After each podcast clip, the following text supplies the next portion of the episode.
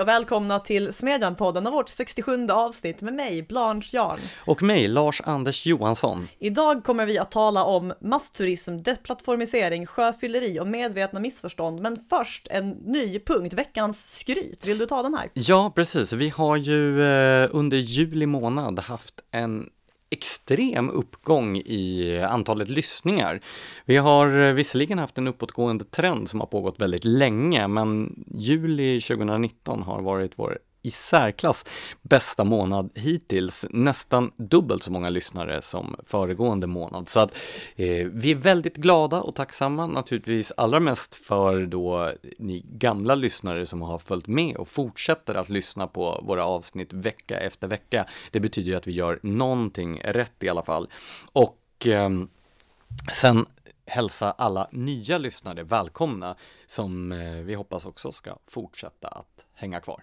Precis, vi är tacksamma, glada, smickrade och väldigt malliga. Eh, jag har ju varit på semester sen senast och därmed kopplat bort helt från nyhetsflödet, vilket är min favoritgrej med att vara på semester. En sak har dock lyckats tränga igenom de barriärer jag satt upp mot samtiden, nämligen att Boris Johnson har blivit vald först till partiledarna för Tories och sen till eh, premiärminister för Storbritannien. Ja, och Eh, många svenska bedömare är väldigt upprörda över att de konservativa har valt en konservativ till partiledare och eh, premiärminister. Många svenska bedömare hade mycket hellre sett Erik Ullenhag som partiledare för Torypartiet. Precis, och han är ju egentligen ledig nu antar jag, så att det hade väl kunnat funka, men nu skedde inte så. Alltså grejen med Boris Johnson är att han bedöms på ett så himla dumytligt sätt. Jag tror att väldigt många ser en person som ser ut som vad en Labour-politiker kallade Donald Trump fast som gått på Eton och så tänker det att han är ungefär som Trump. I själva verket så är han ju en, som Sven-Otto Littorin beskrev i Smedjan i en krönika i frågan, han är en framstegsoptimistisk positiv eh, marknadsliberal som ju borde tas emot med glädje av många svenska frihetligt sinnade personer, framförallt efter Theresa May som ju varit ganska auktoritär och lite socialkonservativ på en hel del områden. Väldigt många av de svenska reaktioner som jag har läst har också handlat om att Boris Johnson är problematisk eftersom han verkar fast besluten att genomföra den Brexit som britterna har röstat för. Ja, om man vill eh, göra vad eh, folkomröstningar har sagt åt en att göra så är man ju en eh, populist. Precis.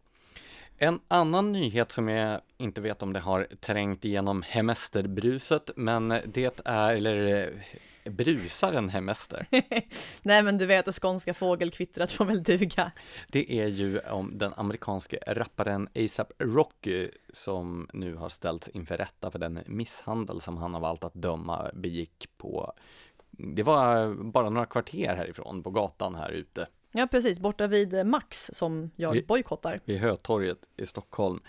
Och eh, det här är ju en historia som vi har skrivit om i Smedjan vid ett antal tillfällen och som ju har tagit fullkomligt bizarra proportioner. Bland annat så har Förenta Staternas president Donald Trump twittrat om att han är besviken på Stefan Löfven. Välkommen till mitt liv inte Stefan Löfven hade gripit in i det här rättsfallet. Eh, och han har också skickat sin gisslanexpert att närvara på rätt, i rättssalen, alltså under förhandlingarna. Alltså det är lika komiskt varje gång man hör det. Ja. Det där är definitionen av att överreagera. Alltså, jag tycker det finns en del problematiska saker med ASAP Rocky-fallet. Alltså, även om han blir dömd så kommer han ju ha förlorat väldigt stora summor på den turné han var tvungen att ställa in för att han satt häktad. Summor som han ju inte kommer att ersättas för, vilket gör hans straff värre än en vanlig person hade fått i motsvarande situation. Men att skicka en gisslan-expert är väl kanske lite att ta i. Frågan är dock om inte inkomstbortfallet kompenseras med råga av den medieuppmärksamhet som ASAP Rocky har fått tack vare detta. Hade du hört talas om honom innan? Nej, men det gäller också samtliga andra rapartister utom Tupac. Men eh, det är ju inte bara den här uppståndelsen och Donald Trumps involvering som gör det här spektakulärt.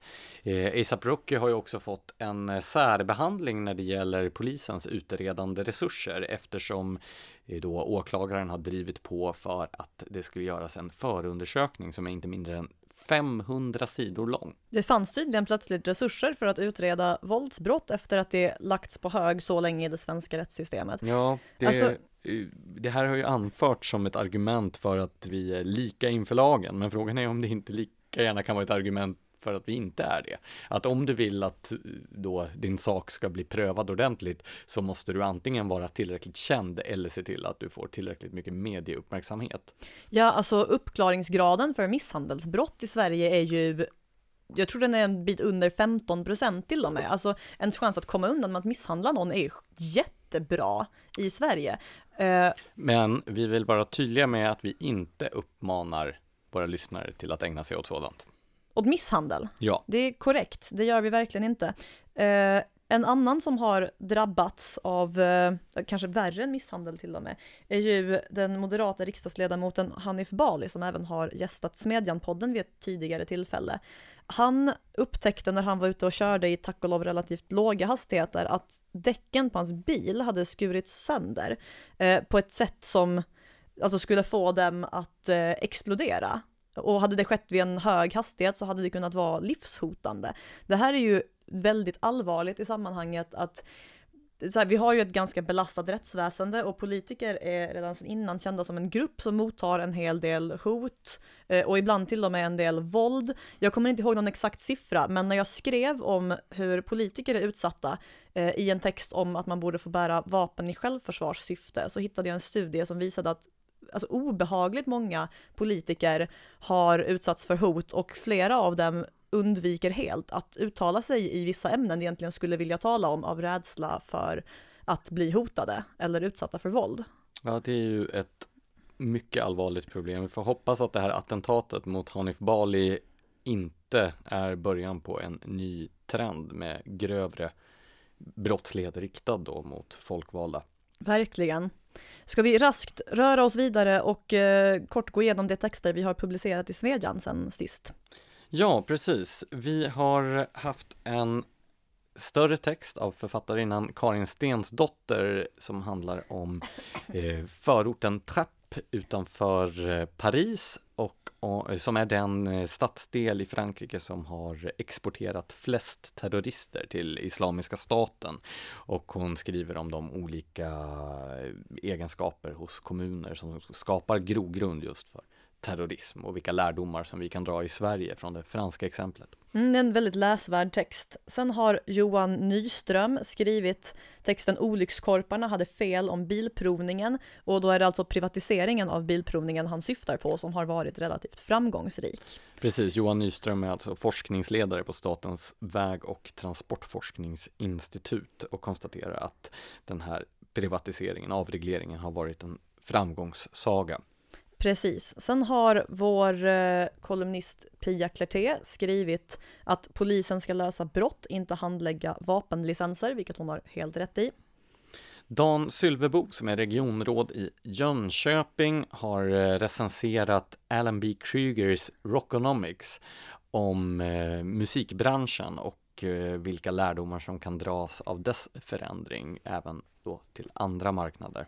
Precis. Eh, en annan recension har Edel Irene Segersam skrivit av Jonna Bornemarks Det omätbaras renässans. Och sen har vår sommarkolumnist Margareta Barabash skrivit att man ska stoppa gängkrigen genom att legalisera cannabis eftersom den illegala drogförsäljningen utgör en av huvudinkomsterna för de kriminella gängen. Och slutligen har centerpartisten Varda Fatti skrivit att politiker behöver släppa beröringsskräcken för privatfinansierad vård och eh, skapa ett ramverk som kan få den att funka bra. Ja, men du har då varit på hemester. Ja, alltså jag är ju rädd att jag har varit det. Det var oavsiktligt, vill jag vara tydlig med, men jag kände helt enkelt för att tillbringa min semester hemma i Skåne. Alltså de extrema hemestrarna sitter ju väl hemma i sin lägenhet och ugglar och försöker sätta guldkant på det genom att kalla det hemester, men kan jag var inom landets gränser. Vad, vad är det här begreppet för någonting?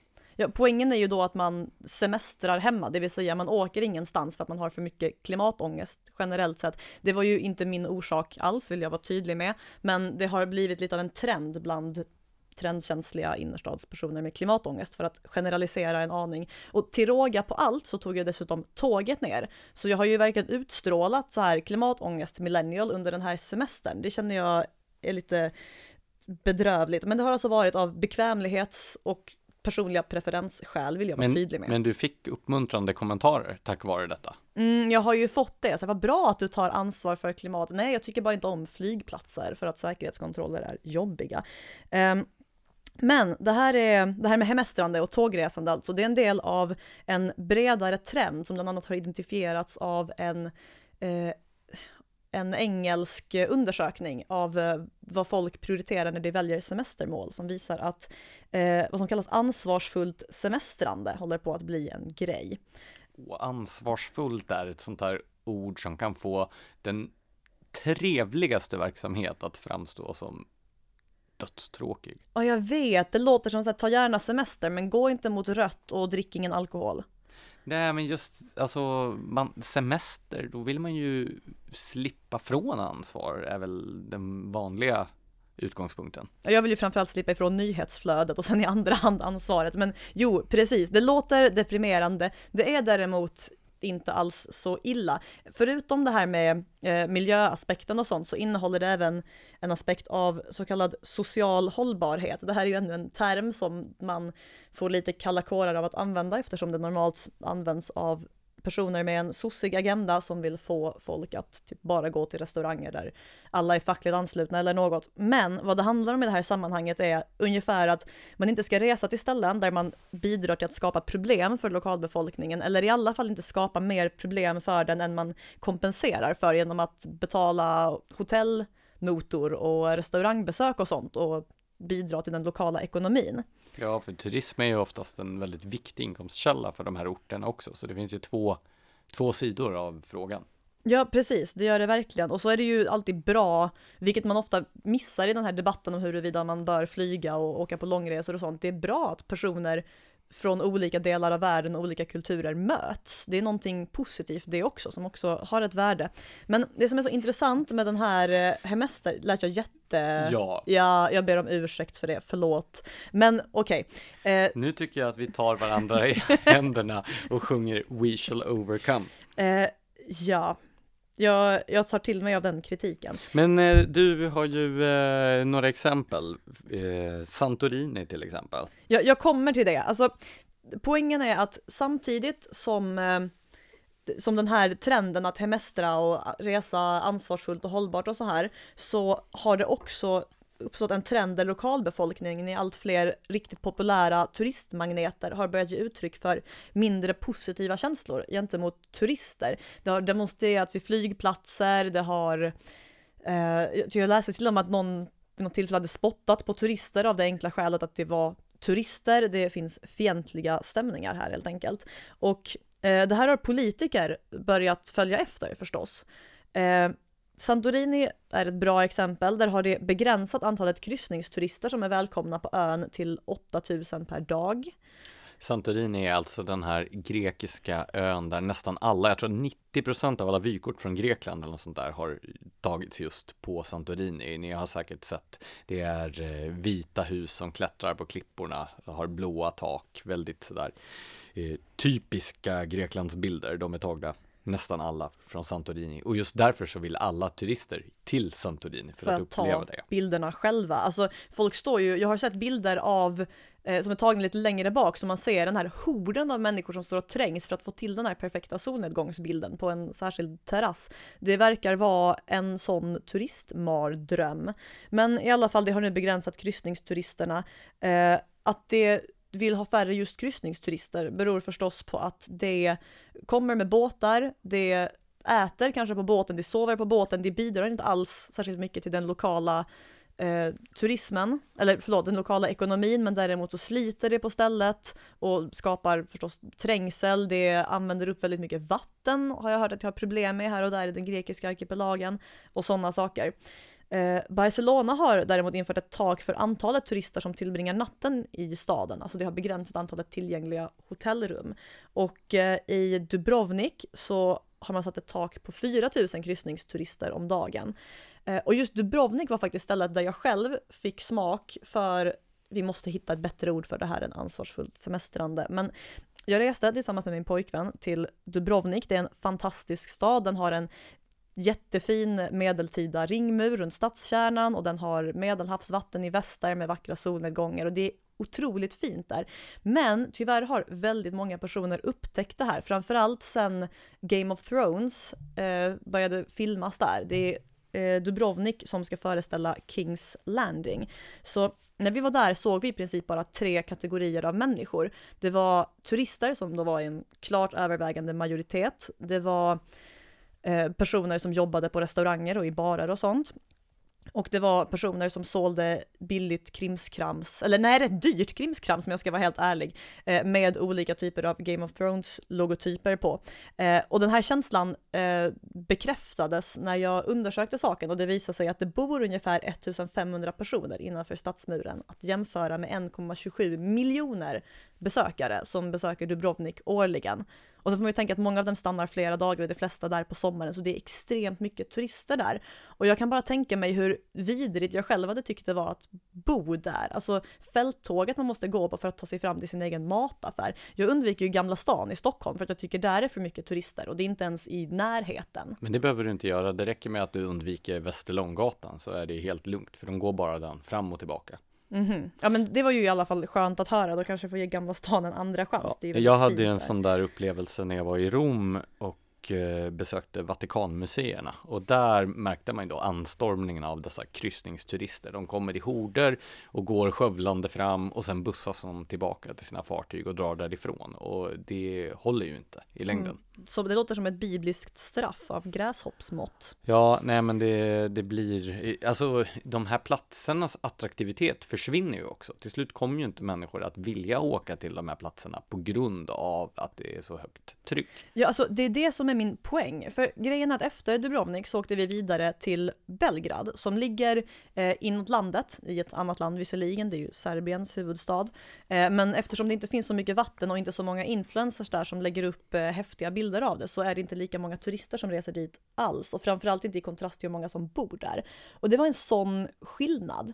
För att Dubrovnik är en fantastisk stad, men där kände man sig verkligen som en börda för de stackars människorna som bor där. Men i Belgrad så kommer det relativt få turister, så där är folk glada att man är där och besöker. Alltså man möts av, du menar absolut inte att lokalbefolkningen i Dubrovnik var annat än jättetrevlig, men i Belgrad verkar det betydligt gladare att man var där för att det fick ut fördelarna av det. Och vad jag tror är att vi ser en trend mot att marknaden håller på att anpassa sig.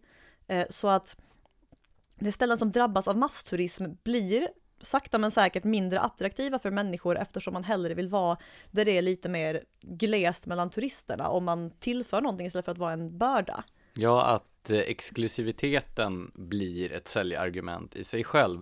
Mm. Jag har ett exempel från en studieresa som jag gjorde för ett antal år sedan till Kenya, där vi bland annat då var ute på safari på den kenyanska savannen i det här eh, statliga naturreservatet Masai Mara som är världsberömt. Det ligger på andra sidan gränsen från eh, Serengeti som är Tanzanias stora naturreservat. Men där är turisttrycket väldigt högt. Och i omedelbar anslutning till den här nationalparken så hade ett antal eh, turistföretag gått samman och Eh, avtalat då med de eh, massajer som lever på savannen. Det är ju nomadfolket i Kenya och Tanzania. Eh, avtalat med dem om att en stor landyta där skulle de inte bedriva boskapsskötsel, vilket är det traditionella födkroken hos massajerna.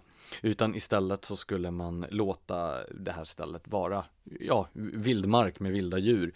Eh, och som kompensation då, förutom hyran av marken som betalades till massajerna, som hade sin arvsrätt till den, så anställde man också de massajer som bodde på området som guider, eh, viltvårdare, vakter och så vidare i turistföretagen.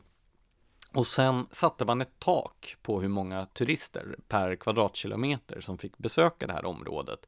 Vilket gjorde att den som inte ville åka eh, till Masai Mara och eh, var omgiven av hundratals andra eh, Toyota Land Cruisers och Land Rover jeepar med massor med andra turister utan istället få uppleva naturen på nära håll och få den här verkliga känslan av vildmark och, och eh, vilda djur. Den kunde betala mer men då få vara i det här privata conservancy som det kallas. Ja, och det, alltså, det känns ju ofta väldigt värt att betala mer kan jag tänka för att få en bättre upplevelse. Det är en sån rimlig marknadsregel. Eh, för konsumenten är det ju förstås trevligt eftersom det ofta blir annars blir det billigare att välja det mindre populära resmålet eftersom priserna inte trissats upp där lika mycket. Men min poäng i sammanhanget är helt enkelt att det ser ut att hålla på att ske en positiv marknadsanpassning här och när man så sällan stöter på positiva saker så är det ju värt att uppmärksamma dem när det sker. Ja, det här eh, exemplet i Kenya, det fick ju flera positiva bieffekter. För eh, djurlivet fick det ju effekten av att ett ännu större område än bara den statliga nationalparken vigdes åt att låta vilda djur få leva i fred. Och många av djuren vandrade ju över från nationalparken till det här området eftersom det helt enkelt var ett mindre besökstryck där. Och på motsvarande sätt så kan jag ju tänka mig då att när turister börjar söka sig till ställen med färre turister så sprids ju också turisternas pengar ut till fler ställen. Så att det finns ju många positiva effekter av den här marknadsanpassningen som du beskriver.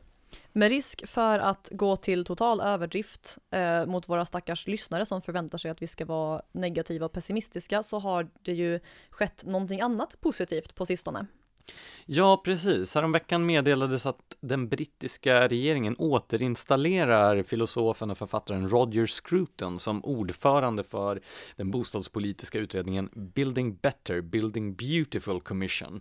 Efter att det visat sig att en smutskastningskampanj från vänster som eh, först fick Torypartiet och regeringen att vika ner sig helt saknade fog. Roger Scruton är en av samtidens mest inflytelserika konservativa tänkare och författare och därför är han naturligtvis ett ständigt rött skynke för den politiska vänstern. Och det har gjorts upprepade försök att smutskasta och misskreditera honom.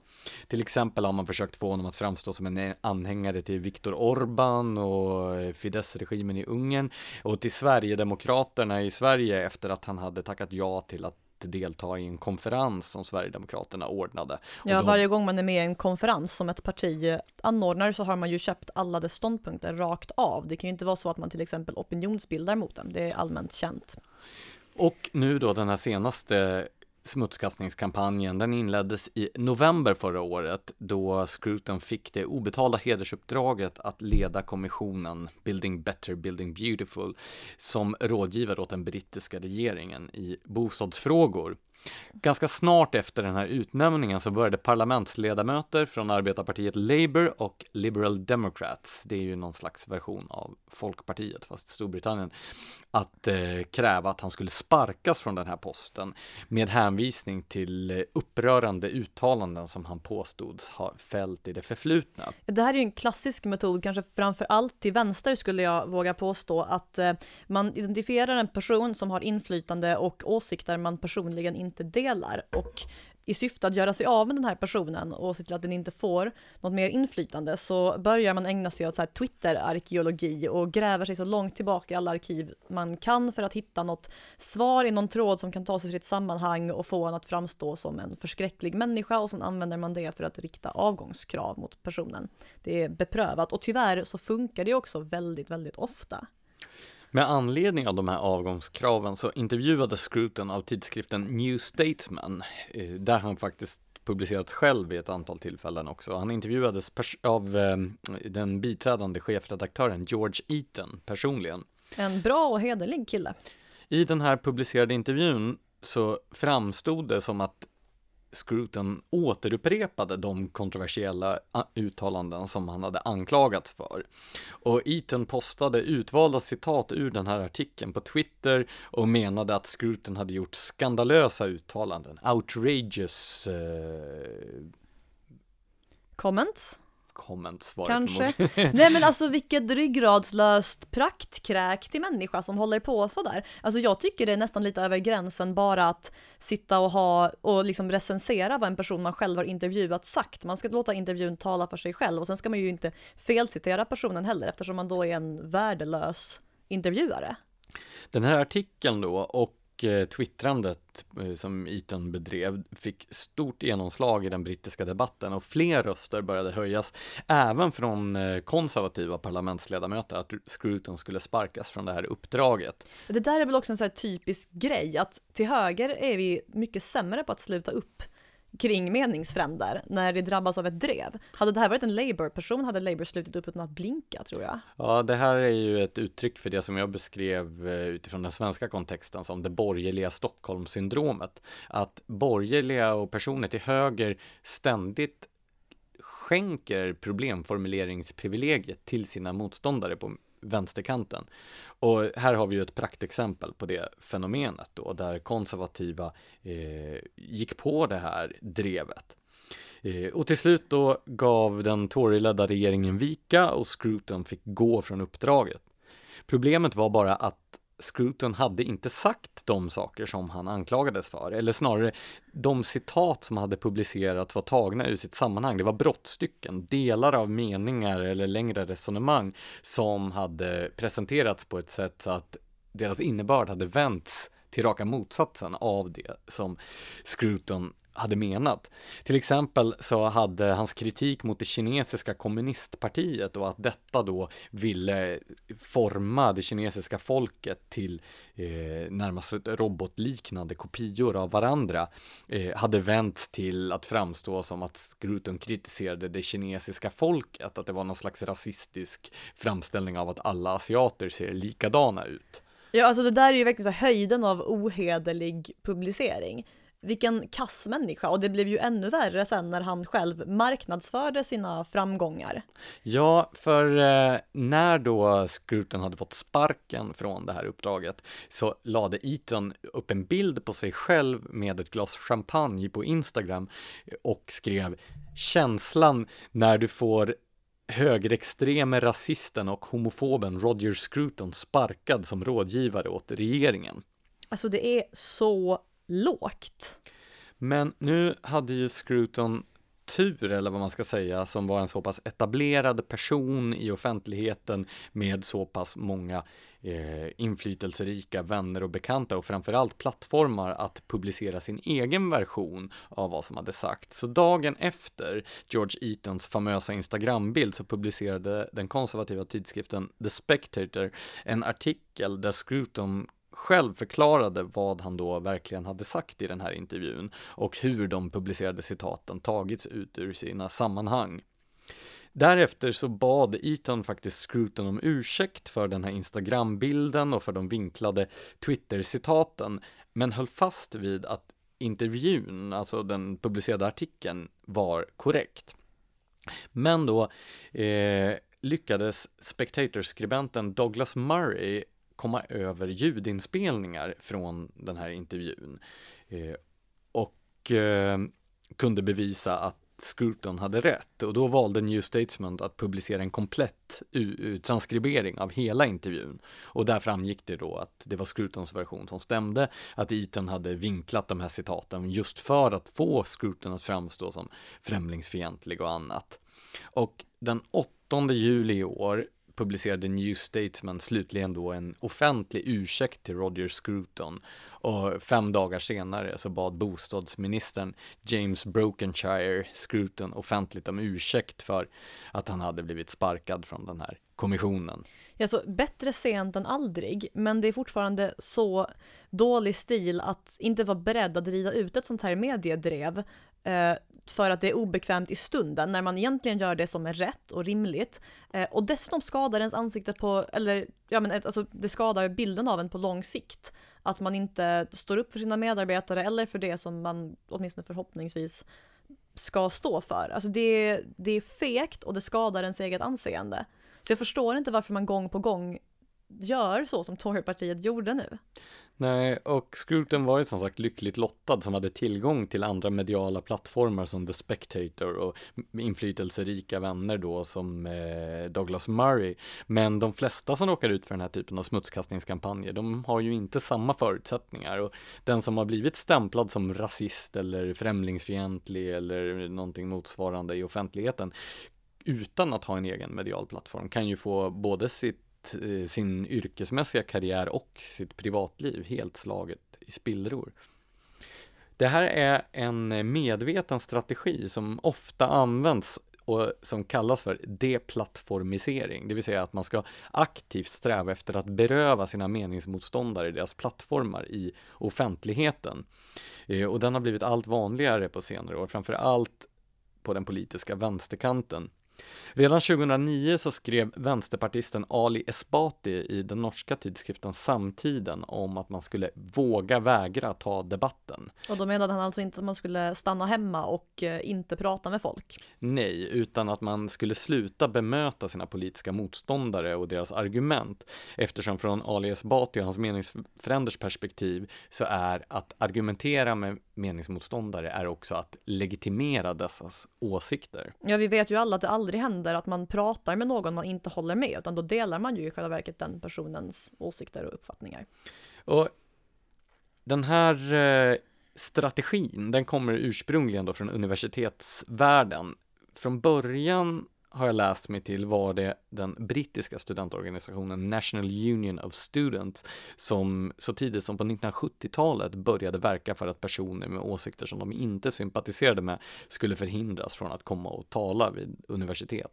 Ja, och om jag förstår det här rätt så var det från början också ett sätt att eh, försöka göra sig av med personer som hade genuint obehagliga åsikter, alltså då på 70-talet. Men i takt med att samtiden har blivit allt mer lättkränkt och snöflingorna fler så har det också blivit personer Alltså, personer som det är helt orimligt att försöka stämpla som oacceptabla som har drabbats av försök att deplattformisera den på det här viset. Ja, en som drabbats var Boris Johnson, den nyvalda premiärministern i Storbritannien eh, under den tid då han var borgmästare i London. Han hamnade på den här National Union of Students svarta lista under en period. Men det här är ju ett uppenbart totalitärt instrument som speglar en helt annan syn på människor och samhälle än den som den liberala demokratin vilar på. Och någonting som var och en som värnar om det fria ordet måste vara väldigt vaksam mot. Det, därför är det problematiskt när då borgerliga personer eller Torypartiet i det här exemplet viker ner sig för smutskastningskampanjer. Ja, det är också problematiskt att alldeles för få idag faktiskt värnar det fria ordet. Ja, så eh, när ett sånt här drev drar igång när då aktivister börjar kasta glåpord mot eh, framträdande personer. Håll huvudet kallt och försök ta reda på vad det egentligen gäller och framförallt lyssna också på den här anklagade personens version av vad den har sagt och gjort. Döm inte utifrån drev. Bra instruktioner. Så, vi flyttar oss hit till eh, Sverige och en eh, inte särskilt ny men ständigt sommaraktuell lagstiftning, nämligen den sjöfyllerilagstiftning som infördes 2010 och som du har rasat mot i veckan. Ja, alltså den är ju extremt provocerande som så mycket annat av vad som brukar kallas folkhälsopolitik. Och det är förresten ett ord som man överlag borde sluta använda för att det får det att låta som att det faktiskt handlar om folkhälsa, att gynna den. Vad det i själva verket handlar om är att försöka bestämma hur människor ska leva sina liv. Så från och med nu heter det officiellt i Smedjans språk livsstilsregleringar. Eh, på den punkten är Sverige som bekant ett extremt land och det gäller alltså även till sjöss. Sen 2010 så har man samma promillegräns för sjöfylleri som man har för rattfylleri, alltså 0,2 promille alkohol i blodet. Det här är absurt av ett antal anledningar. För det första är det så lågt att en person som inte väger för mycket på fullt allvar kan få i sig det av att dricka en lätt öl. Och i trafiken så måste man ha extremt bra reflexer för att det inte ska vara väldigt farligt. Så även minimala nedsättningar av reaktionsförmågan kan ha katastrofala konsekvenser. Men båtar rör sig väldigt mycket långsammare, det rör sig väldigt mycket längre från andra båtar än vad bilar befinner sig från andra bilar. Eh, och det är generellt sett, alltså nu talar jag ju utifrån en djup erfarenhet här eftersom jag ju har seglat till Almedalen en gång. Och, ja, det eh, känns väldigt tryggt att ha en expert här i studion.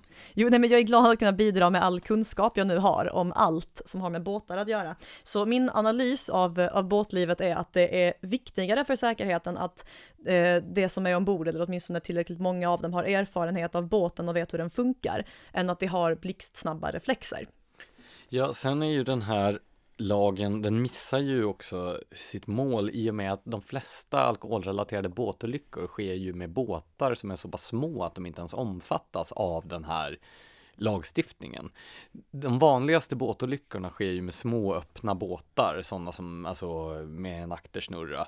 Och eh, eftersom lagen bara gäller båtar som är längre än 10 meter eller har en maxhastighet på över 15 knop så omfattas inte de här båtarna av det. Nej precis, 15 knop är alltså knappt 30 kilometer i timmen. Eh, ja, och så fort kör man ju inte med en liten öppen båt med aktersnurra. Nej, men det, alltså, det struntar ju till och med hur snabbt man kör. Man kan köra fem knop istället och det kommer fortfarande vara ett lagbrott att ha druckit en lättöl eftersom båten i teorin skulle kunna gå i över 15 knop. Mm, däremot om du är dyngrak och är ute i din lilla öppna båt med aktersnurra som inte kan köra i 15 knop, då spelar det ingen roll enligt den här lagstiftningen. Ja, eller om du låter din 12-åring köra din snabba motorbåt, då är det en bättre idé än om du gör det efter att själv ha tagit en öl. Um, och dessutom gäller den här begränsningen inte bara personen som faktiskt står vid rodret, utan alla som på olika sätt medverkar till att framdriva båten. Det vad det här innebär är att folk straffas som varken har utsatt sig själva eller andra för fara. Det finns helt enkelt en gräns för vilken typ av risker staten kan hindra en från att utsätta andra för och att efter en vanlig öl eller en lättöl ha framför en båt är så långt ifrån den gränsen att det inte ens borde vara en fråga för lagstiftning. Man gör ändå flera försök att rättfärdiga sjöfyllerilagen eh, och det brukar vara på temat att värna om människors säkerhet och liv och hälsa och sånt här. Eh, i själva verket så handlar sjöfyllerilagen inte överhuvudtaget om hälsa och säkerhet. Nej, för med den lagstiftning som fanns redan innan 2010 så kunde man ju fortfarande beivra om människor var berusade, alltså för berusade för att kunna framföra sina båtar. Ja, alltså före 2010 så hade man Eh, och det har man kvar än idag, gränsen en promille för grovt sjöfylleri. Det motsvarar alltså gränsen för grovt rattfylleri. Sen hade man också sjöfylleri av normalgraden men utan en fast gräns. Utan det var någonting man kunde dömas för om det, var, om det framgick att man inte framförde båten på ett säkert sätt och man hade druckit. Eh, året efter att den här 0,2 promillegränsen infördes så gjorde en professor i sjörätt en granskning av 350 sjöfylleridomar mellan 1994 och 2010.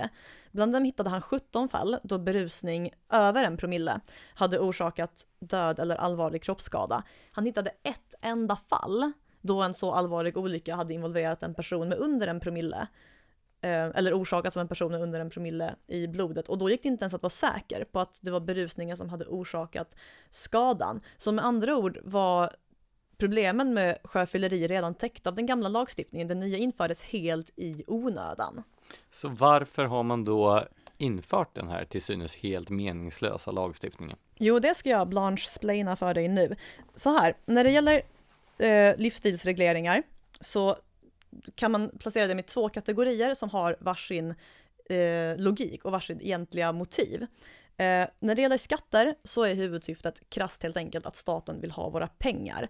Alltså, det motiverar det väldigt gärna med att det är för vårt eget bästa, men det vill helt enkelt ta våra resurser. Det blir väldigt tydligt eh, om man tittar på eh, USAs alkoholförbud på 20-talet som hade varit på agendan väldigt länge men inte infördes förrän det istället infört federal inkomstskatt så att det skulle kunna ta pengar på något annat vis och hade råd att förbjuda alkoholen. Och sen 1929 när börskraschen kom eh, då sjönk intäkterna från den statliga inkomstskatten, alltså den federala inkomstskatten, så mycket att det behövde pengar och då plötsligt passade det att legalisera alkohol igen. Så att follow the money, som man säger.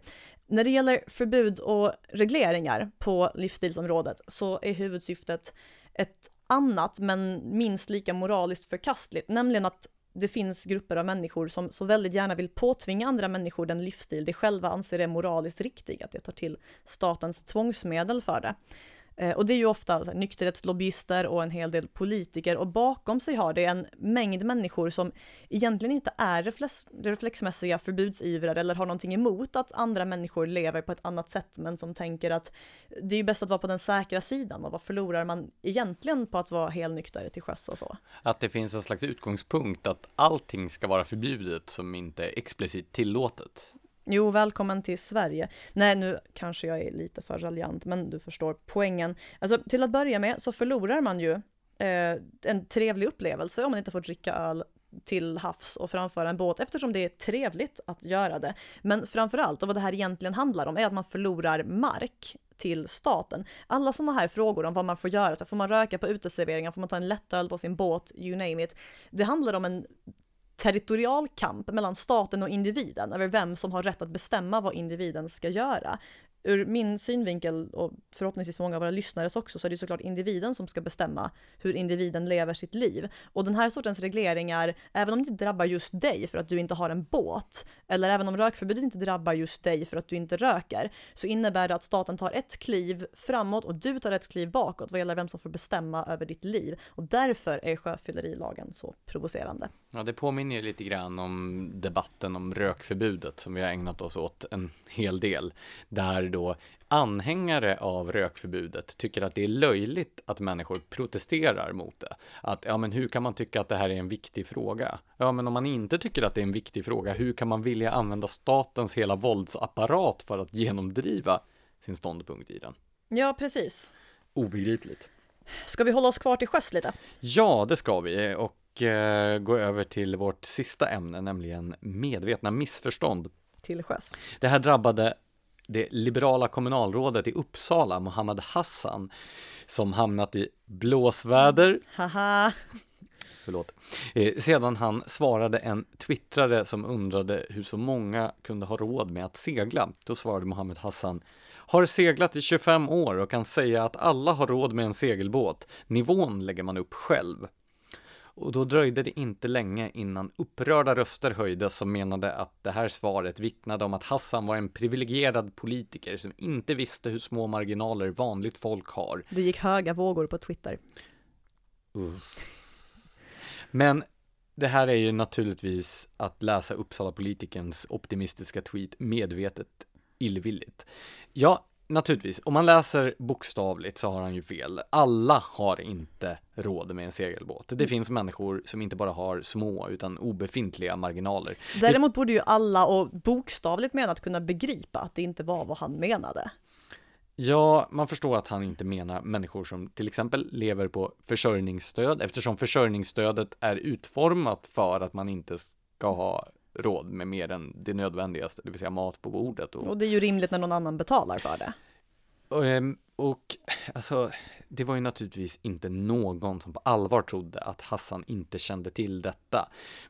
Var och en som läser den förstår ju att det här inte var ett uttryck för någon slags verklighetsfrånvänd politiker lyxtillvaro där alla har råd med vräka fritidsintressen.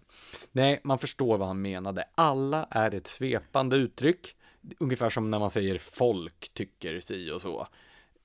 Det, det åsyftar de flesta. Och den poäng som Mohammed Hassan försökte göra var ju dessutom den rakt motsatta jämfört med vad kritikerna försökte få det till. Nämligen att segling och båtliv inte behöver vara ett dyrt exklusivt nöje för de välbärgade, utan att faktiskt de flesta har råd med båtliv om de prioriterar i sin i sin ekonomi. Ja, så vad jag tror det här handlar om, den här bilden att båtliv är någon sorts, eh, någon sorts lyxgrej, tror jag lite kan skyllas på Hollywood och andra så här internationella filmer och serier och sånt som många i Sverige tar del av och låter sin verklighetsuppfattning färgas av. För att i många andra länder så, där man inte har en stor arkipelag till exempel, där människor bor, eh, där är ju båtliv en lyxgrej som överklassen och den övre medelklassen ägnar sig åt om man tänker på så stora yachter och den sortens grejer. Men i Sverige har det, vad jag vet, aldrig funkat så. Jo, alltså runt förra sekelskiftet så var båtliv någonting Men då levde väldigt... ju folk ute i skärgården, ni måste ju ha haft båtar. Jo, men då var det bruksbåtar, alltså nu pratar vi om nöjesbåtlivet. Ah, okay. Men eh, nej, det är någonting unikt för Sverige, eller snarare för de nordiska länderna, att Eh, segling och båtliv är ett brett folknöje. Men det är ungefär från början av 1940-talet som det har varit det, till skillnad då från andra länder som Storbritannien till exempel, där det i huvudsak har varit ett överklassprivilegium. Och bakgrunden till eh, det här folkliga båtlivet i Norden, det är då dels allemansrätten som gjort det möjligt för människor att vistas ute i naturen och leva friluftsliv. Eh, att förtöja vid öar i skärgården och eh, övernatta där och så vidare. Och dels i en medveten strävan från eh, båtorganisationerna, framförallt då Nordiska seglarförbundet, som i slutet av 1930-talet utlyste en tävling till olika båtbyggare om att ta fram en båtmodell som vanliga arbetarfamiljer skulle ha råd med att bygga och, och äga. Och resultatet blev då den nordiska folkbåten. Jag har faktiskt haft en nordisk folkbåt själv, så att det här är en fråga som ligger mig varmt om hjärtat. Eh, den nordiska folkbåten började byggas 1942 och då kunde man ju antingen göra så att man beställde den från en båtbyggare eller, och det gjorde ju faktiskt folk på den här tiden eftersom folk som bekant var Bättre för. redigare för i alla fall, det vill säga man köpte en ritning och sen gick man till brädgården och så köpte man de olika typer av brädor som stod specificerade i den här byggbeskrivningen och sen så åkte man hem till sin tomt och så byggde man båten själv eftersom man var redigare förr. Åh gud vad jag inte kan se folk göra idag, eller se mig själv sätta mig i en båt som jag själv byggt. Jag skulle inte heller sätta mig i en båt som du hade byggt, så du kan vara lugn. Nej, men det här är ett slags motsvarighet till egna hemsrörelsen rörelsen som fanns under samma tid, där man kunde köpa en ritning och sen bygga sitt eget hus och som ju då både den politiska högern och den politiska vänstern stöttade eftersom man ville att arbetare skulle ha råd att äga sina egna bostäder. Men därför är det också så tråkigt när de här kritikerna av Mohammed Hassans eh, tweet då befäster bilden av segling och båtliv som något slags exklusivt överklassnöje bara för att plocka en billig poäng om världsfrånvända politiker. Jag tror till exempel inte att reaktionerna hade varit likadana om det hade handlat om, ja men fjällvandring till exempel, trots att det är en dyr materialsport på samma sätt. Alltså på någon nivå kan jag förstå instinkten, alltså det finns en hel del politiker i Sverige som ibland har givit uttryck för ganska elitistiska attityder till vanligt folk. Jag förstår att vissa har utvecklat lite av en överkänslighet. Alltså, jag blev själv rätt provocerad när den dåvarande infrastrukturministern Anna Johansson satt och beklagade sig med sin eh, här, statsrådslön på över 100 000 kronor över att för många människor har råd att köra bil. Den sortens grejer sticker i ögonen, absolut, men det här var ju inte frågan om det överhuvudtaget. Nej, det här var ju det motsatta. Här fanns det ett positivt positivt budskap om att det faktiskt finns billiga möjligheter att ägna sig åt ett oerhört berikande friluftsliv. Och nu är det ju köparens marknad för den som inte vill ha de allra största och vräkigaste båtarna på marknaden. Andrahandsmarknaden för bra båtar från 60 och 70-talen är extremt billig just nu. Båtar slumpas i princip bort på Blocket. Och jag vet människor som, alltså, som både har haft och har båt under studieåren, alltså studenter som ägnar sig åt båtliv på bara den inkomst som man har när man lever på CSN. Jag menar, visst, du kanske inte har råd med en jättestor båt, men om du är ett gäng kompisar om ni är fyra stycken som delar på en IF-båt som ni köper för 15 000 kronor och sen delar ni på eh, kostnaden och eh, ansvaret för denna så är det absolut görbart på en på en eh, studentekonomi. Ja, det här studentekonomin skulle vara så himla mager är också lite av en överdrift. Alltså, jag tyckte man levde gott på CSN. Alltså, det är inte som att man bara har råd med mat och husrum och studielitteratur, utan jag lyckades spara så mycket när jag enbart hade CSN som inkomst att jag kunde leva på det över sommaren och inte ens behövde jobba. Så att det är lite av en myt att studenter också skulle ha det så himla förskräckligt.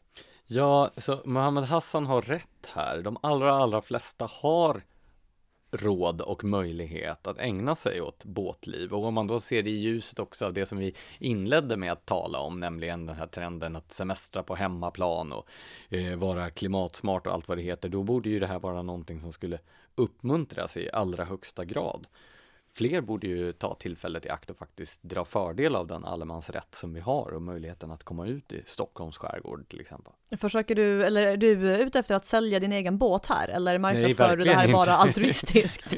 jag marknadsför detta för att fler ska ha möjlighet att ägna sig åt det båtliv som jag haft glädjen att ägna mig åt, Mohammed Hassan har haft glädjen att ägna sig åt och väldigt många svenskar ända sedan början av 1940-talet och då inte bara de allra mest välbärgade utan vanligt folk. Eller hade... alla som Mohammed Hassan skulle uttrycka det. Det hade varit en väldigt snygg inledning till en Blocket-annons annars, men vad bra att du behåller din båt. Ja, det har jag eh, tänkt. Och eh, bra uppmaning till våra kära lyssnare. Eh, apropå dem så har jag roat mig med att gå in på um, den här poddappen och se vad folk säger om vår podd. Många är väldigt trevliga. Väldigt många tycker också det är otroligt irriterande att jag säger det och dem istället för dem. I feel them. Uh, ja, men då förstår ni hur det känns för mig när folk skriver dem i skriftspråk. Och när folk har lagt, när alla har lagt av med det, uh, då kan jag tänka mig att någon gång ibland sluta säga det och dem i talspråk. Men det är min hämnd på mänskligheten. Okej, okay, men du tror inte på fullt allvar att folk kommer att sluta skriva dem i skriftspråk för att du i talspråk säger det och den. Nej, jag försöker bara skapa någon sorts kosmisk rättvisa och balans som den självuppoffrande altruistiska människa jag är. Jag är ledsen, men jag tror inte att det här svaret kommer att göra de lyssnare som redan är irriterade på ditt bruk av det och dem mindre irriterade. Eh, jag beklagar det. Eh, sen har jag också fått en eh, annan lyssnarkommentar som jag tycker är värd att ta upp. Jag skrev förra, förra veckan texten “Inte konstigt att folk flyr Stockholm” apropå att det förra året var första gången på 15 år som fler flyttade ut ur huvudstadsregionen, alltså Stockholms län, än vad som flyttade in. Och då var det ett par personer, bland andra en Peter Lebel som skrev så här. Grums är väl knappast landet utan en mindre glesbygdsort eller stad som man sa förr. Landet är utanför kommunalt detaljplanerat område är den definition som brukar användas. Det här är ju inte helt korrekt. För det första är ju inte landet ett begrepp som är särskilt precis definierat. Vanligtvis kan man väl säga att det finns två olika syftningar där. Antingen så syftar man på landsorten, det vill säga området utanför storstadsregionerna. Alltså, och då har vi ju den här konflikten stad och land, storstadsregioner mot resten. Och det var ju i det sammanhanget som jag använde begreppet. Ja, jag menar då, att Stock Grums räknas ju som, en, som landet i förhållande till Stockholm, Göteborg Ja, då kvalificerar sig Grums. Men om man talar om landet som landsbygd i, i kontrast till tätort, ja men då är ju Grums inte landsbygd utan en tätort. Grums är alltså en tätort som ligger i landsorten, men det är inte landsbygd som ligger i storstaden. Åh oh, gud. Okej, innan det här urartar mer så tänkte jag bara avsluta med att tacka så mycket för att ni har lyssnat, uppmana er att fortsätta ge vår podd så höga betyg ni överhuvudtaget kan tänka er att vi är värda. Eh, och ehm... skaffa er en segelbåt. Tack för att ni har lyssnat, ha en trevlig helg.